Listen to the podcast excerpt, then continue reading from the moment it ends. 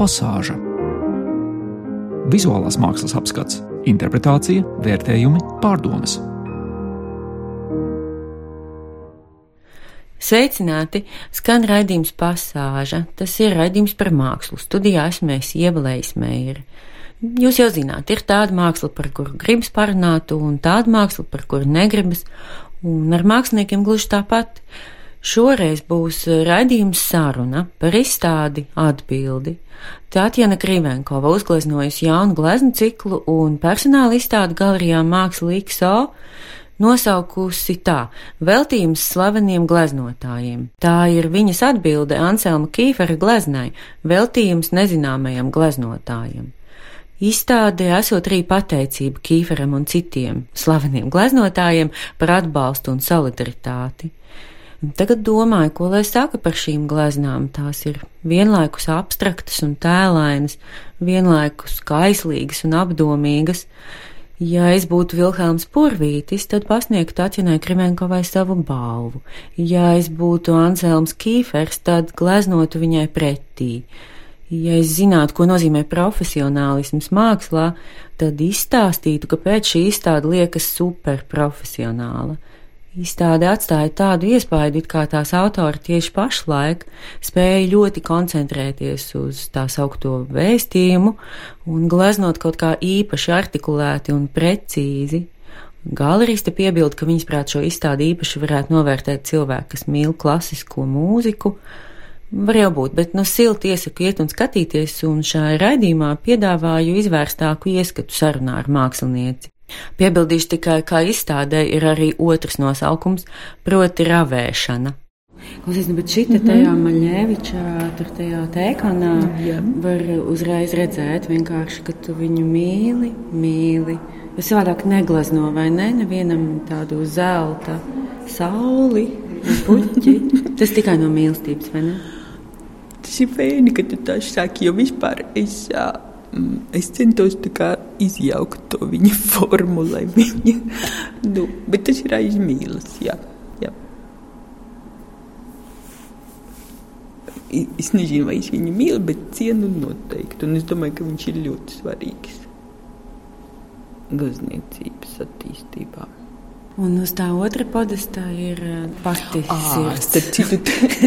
tas tieši izējot no tā Maļieviča, jo ir tā, ka viņš eh, pēc eh, oktobra apvērsuma, kas Krievijā notika 17. gadā, tad, protams, bija grūti laiki tīri materiāli.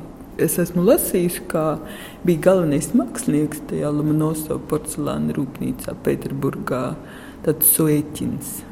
Un viņš arī deva kā darbu, kā pasūtījumus eh, tādiem māksliniekiem kā Maļievičs. Pēc tam arī viņa skolnieki varēja strādāt tajā rūpnīcā, jo daži no, no gleznotājiem tas citu attiecās uz to, es domāju, to kīferu veltījumu ļoti stipri ka viņi varēja tur vismaz strādāt un ko darīt un kaut kā pelnīt. Jo bija mākslinieki, kuri, kuri vispār bija nolemti burtiski bada nāvei. Piemēram, tāds Filonovs, arī viens no maniem tādiem tuviem māksliniekiem, arī mūsu klucis un drēviņš. Viņi jau visi beidza diezgan beidīgi savas dzīves, diemžēl. Tie cilvēki, viņi varēja paslēpties tajā rūpnīcā. Nu, vismaz viņi viņiem bija kaut kāds eh, maizes darbs tajos laikos. Man citu arī liekas, ka daudzajādā ziņā tā tradīcija, īstas glezniecības tradīcija, palika pateicoties eh, tai rūpnīcai. Nu, katrā ziņā es tur esmu to sajūtus, kad es tur esmu strādājusi. Un, piemēram, man liekas, ka Jekaterina Sazonova, kas uztaisīja to sirds formu, es viņu tā saucu par Maļieviča mazbērnu. jo, jo viņa strādā tajā rūpnīcā? Viņa strādāja. Ah. Tagad viņa ieprecējās te Latvijā. Tie mākslinieki ir ļoti augstas klases, un nevelti ne tā rūpnīca ir starp tādām nu, tā kā Sevra, Vedžvuds vismaz agrāk bija. Un, Tagad viņi saucās Imperatora porcelāna rūpnīca. Tas ir tas izšķiršanas moments, kas varbūt var pieminēt to ravēšanu, to otro izstādes daļu, ka tev visu laiku vajag domāt par to, ko tu liec un ko tu atstāji. Ko tu, ko tu ņem ārā? Ko tu ņem no tā, ārā? Ko tu esi pielicis klāt nu, kaut te, kam, te, te, diemžēl, vairs ārā iz, izņemt neko nevar, un tāpēc ļoti koncentrēti jādomā, vai tu to lietu vai nē. Jo... Jā, tam nevar no porcelāna nokasīt kaut ko no savas. Viņš prasa tādu koncentrāciju, un tam žestam jābūt precīzam un, un tādam ļoti tīram. Un te tajā sirdī ir tas kvadrātveida triepieniņš. Protams, ka mūsdienās gribas to attiecināt uz pikselīšiem, bet nu, viņš ir pavisam kaut kas cits. Viņš ir tā tāds saules saķīšs vai kaut kas tāds. Bliks kaut kāds. Protams, tas ir, ta, tas vispār tas ir triepiens. Ta, tas tiešām ir triepiens, to triepienu. Es varu attiecināt, ir tāds uh, korejiešu mākslinieks Li Ufans. Es pateicoties viņam, starp citu, tas ir diezgan smieklīgi, bet es Venecijā vienreiz apsēdos dzert kafiju. Tas bija Venecijas bienāls laiks, un pēkšņi man apsēžās blakus viens cilvēks, tāds austrumnieciska izskata. Un es neskapēju ceļu, un es domāju, ka tas ir viņš.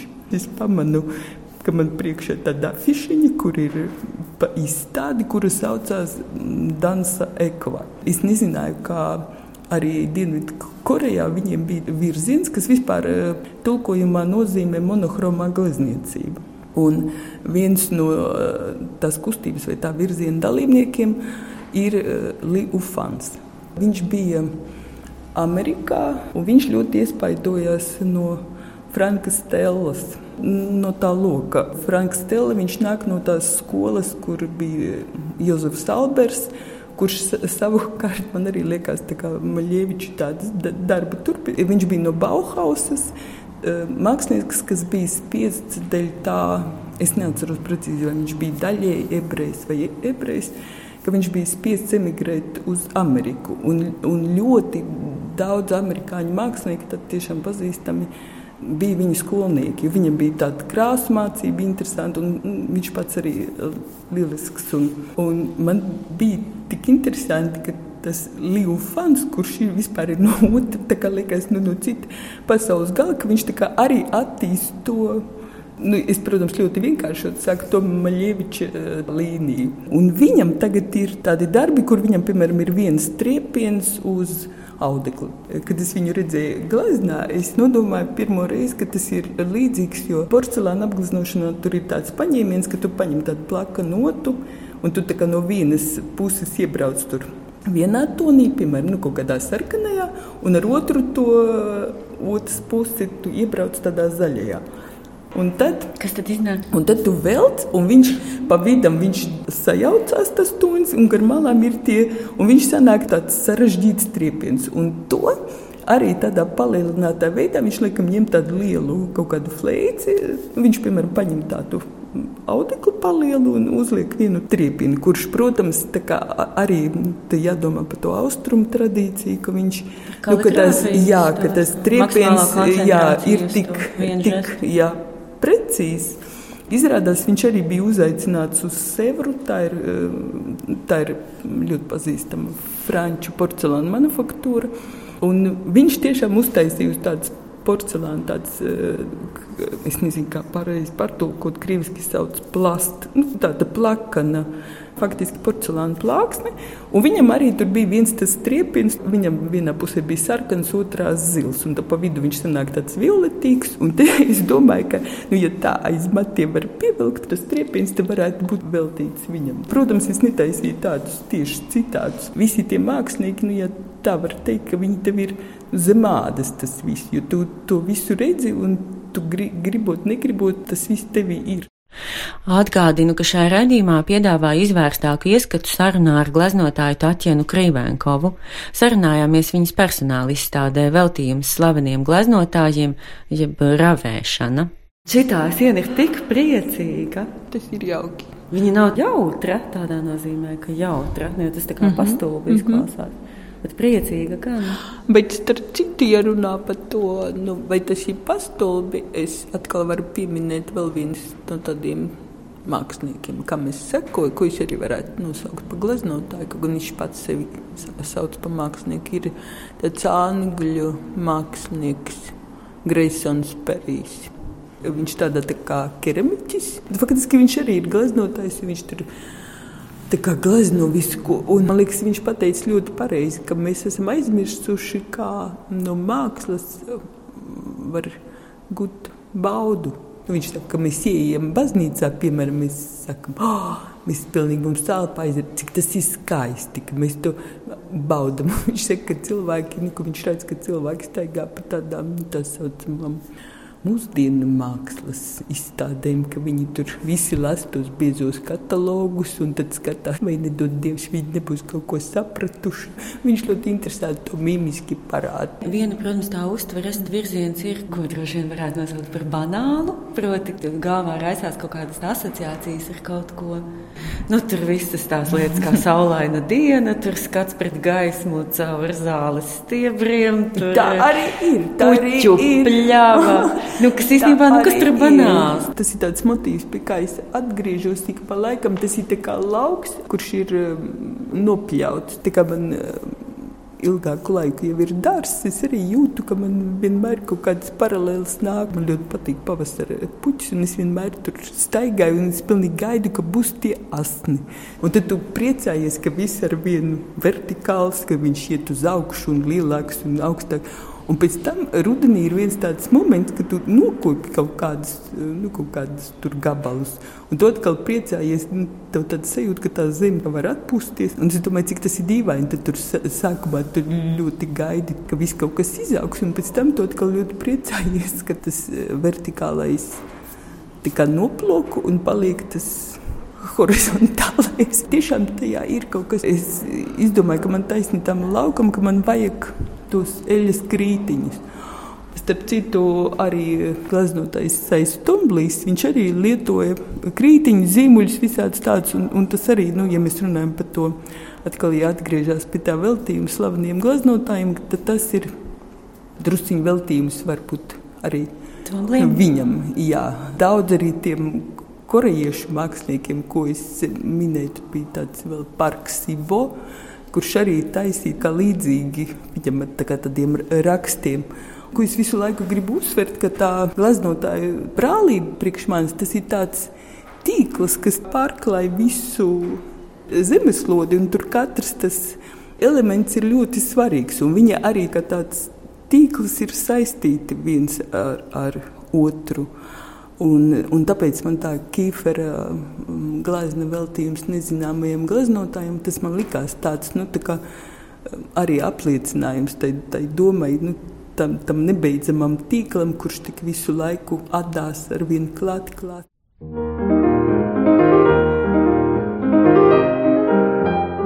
Pasāža